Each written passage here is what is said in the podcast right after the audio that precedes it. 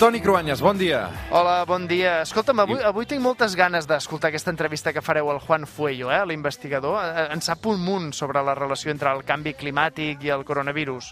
És un científic molt, molt interessant, eh, una entrevista que podrem sentir al voltant de, de les 11 del matí, neurooncòleg, investigador de l'Anderson Cancer Center de, de Houston, a quarts d'onze avui al voltant de les 11 en aquest uh, suplement, És Toni. que, és que ja fa uns quants dies que n'estem parlant d'això del primer aniversari de la Covid i hi ha encara el dubte sobre com es va fer el primer contagi en humans. Ara ara que els experts de l'Organització Mundial de la Salut han pogut investigar a Wuhan, a la Xina, sembla, a mi em sembla, vaja, molt rellevant que s'hagin descartat almenys les teories conspiratives, com, com que aquest coronavirus hagués sortit d'un laboratori. Està confirmat que va passar als humans a través d'un animal. Poden ser els pangolins que es venien al mercat de Wuhan els animals que haurien fet de pont entre els ratpenats i els humans a l'hora de transmetre el coronavirus que hi ha darrere el brot de pneumònia? Al principi van parlar moltíssim d'aquests pangolins, que és aquest mamífer amb escates que els xinesos mengen com una mena de delicatessen, però al final tampoc es pot demostrar del tot, del tot, del tot que siguin els ratpenats, tot i que sí que ens hem fixat molt amb aquests animals, amb els ratpenats, eh? Sí, li podreu preguntar després, en tot cas, al doctor Fuello, més concretament sobre el paper de reservori dels ratpenats des d'un punt de vista científic. Però mira,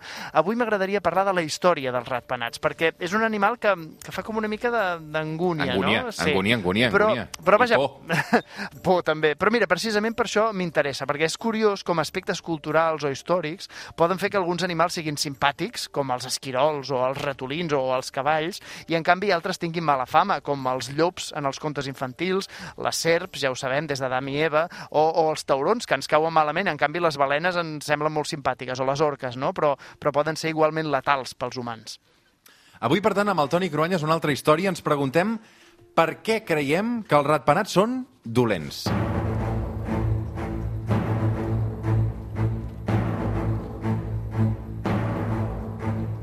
De fet, ens hem arribat a creure una mica, Toni, que els ratpenats són una encarnació del diable, no? Això a la cultura occidental, perquè a la Xina, per exemple, el ratpenat és un símbol de la felicitat i de la fortuna. De fet, moltes vegades la figura del ratpenat a la Xina es fa servir com un talismà perquè porta sort.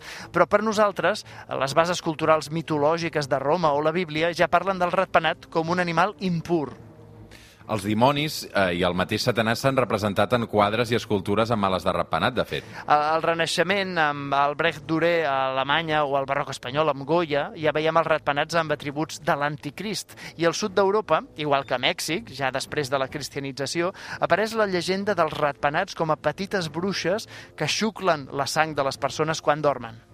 Ratpenats que xuclen sang, eh, estem a un pas pràcticament de, dels vampirs ja, eh? Ah, exacte. I aquest és segurament el moment definitiu en què els pobres ratpenats es converteixen en els dolents oficials per l'imaginari col·lectiu de tot Occident.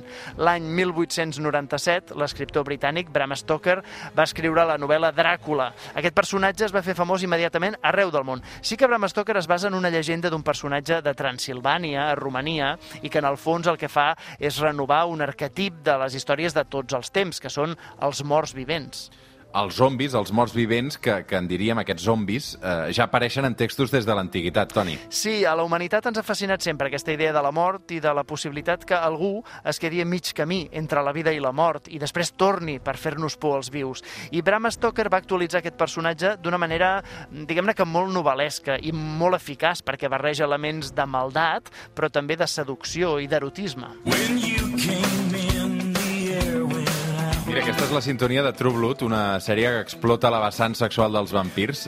Queda molt lluny dels ratpenats, això, oi? Sí, però a veure, no et pensis, perquè clar, Bram Stoker era un escriptor de Londres de l'època victoriana, en què la sexualitat i el plaer estaven mal vistos, eren pecat, per tant, dolent. I per altra banda, també va ser l'època en què es va popularitzar la zoologia i el públic en general va conèixer espècies d'animals exòtics. De fet, va fer furor l'existència a Amèrica del Sud dels ratpenats xucladors de sang, que de seguida ja van batejar com a vampirs. Has parlat dels ratpenats a la Xina, a Europa, a Amèrica... Eh, N'hi ha hagut sempre per tot arreu, Toni? A veure, l'espècie més antiga dels ratpenats té 55 milions d'anys. Es creu que els ratpenats van evolucionar a partir de mamífers que vivien dalt dels arbres, que saltaven d'un arbre a un altre, i això va fer que desenvolupessin membranes entre els dits per planar, eh, per, per, per, per poder, mm, diguem-ne, acabar bé el salt que feien d'un arbre a l'altre. Després, aquests, eh, aquestes membranes s'haurien convertit en ales, i com que podien volar, es van convertir en els mamífers que més es van expandir. Així que ja fa 23 milions d'anys que van arribar a llocs tan remots com a Indonèsia o Austràlia. De fet, per aquesta condició doble de ser mamífers i de poder desplaçar-se amb facilitat, els assenyalen ara com a sospitosos del coronavirus als humans. Sí, això us ho explicarà millor, eh, el doctor Juan Fuello després. Podria ser que una altra vegada els ratpenats tornessin a ser vistos com els dolents de la pel·lícula, però, mira, saps una cosa?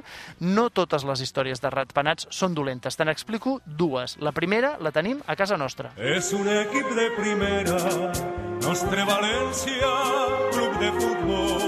A veure, això és l'himne del València, l'equip de futbol. I què té a veure amb els ratpenats? Crec que... Clar, és, és la, ara, hi ara hi ha hagut que és la imatge no? de, de l'escut, crec. Clar, exacte. El ratpenat forma part de l'escut de la ciutat de València, del club de futbol de València, i de fet havia format part de l'antic escut de Barcelona i de Fraga.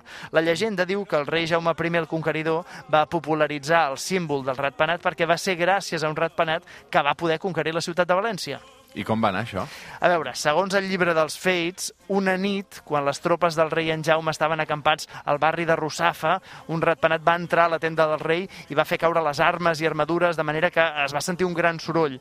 Tots es van despertar i així es van adonar que estaven a punt de rebre un atac sorpresa dels musulmans. Per tant, gràcies a aquell ratpenat van poder despertar les tropes, defensar-se i acabar conquerint la ciutat de València.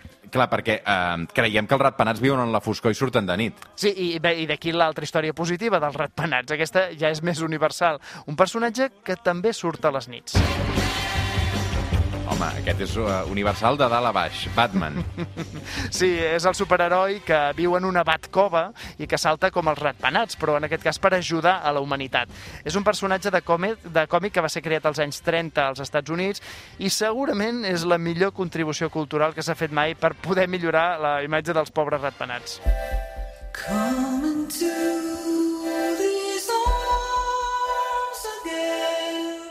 Avui, Toni Cruanyes, arribarem a les 9 del matí amb la cançó d'amor d'Annie Lennox per la pel·lícula Dràcula de Francis Ford Coppola. Sí, ja has vist que els ratpenats donen per molt. De fet, si t'hi fixes, a veure, són grans controladors de plagues, és a dir, fan moltes coses positives. Per exemple, el Penedès o els arrossars del Delta, si no fos per als pobres ratpenats, eh, hi hauria molts, molts insectes i seria molt complicat que es poguessin cultivar bé els camps i tot plegat. És a dir, que... Però tu no el, tindria, tu no el tindries de mascota, per això. No, no, no, realment. M'han dit que són suavets quan els toques, eh? Però... Ah. Exacte.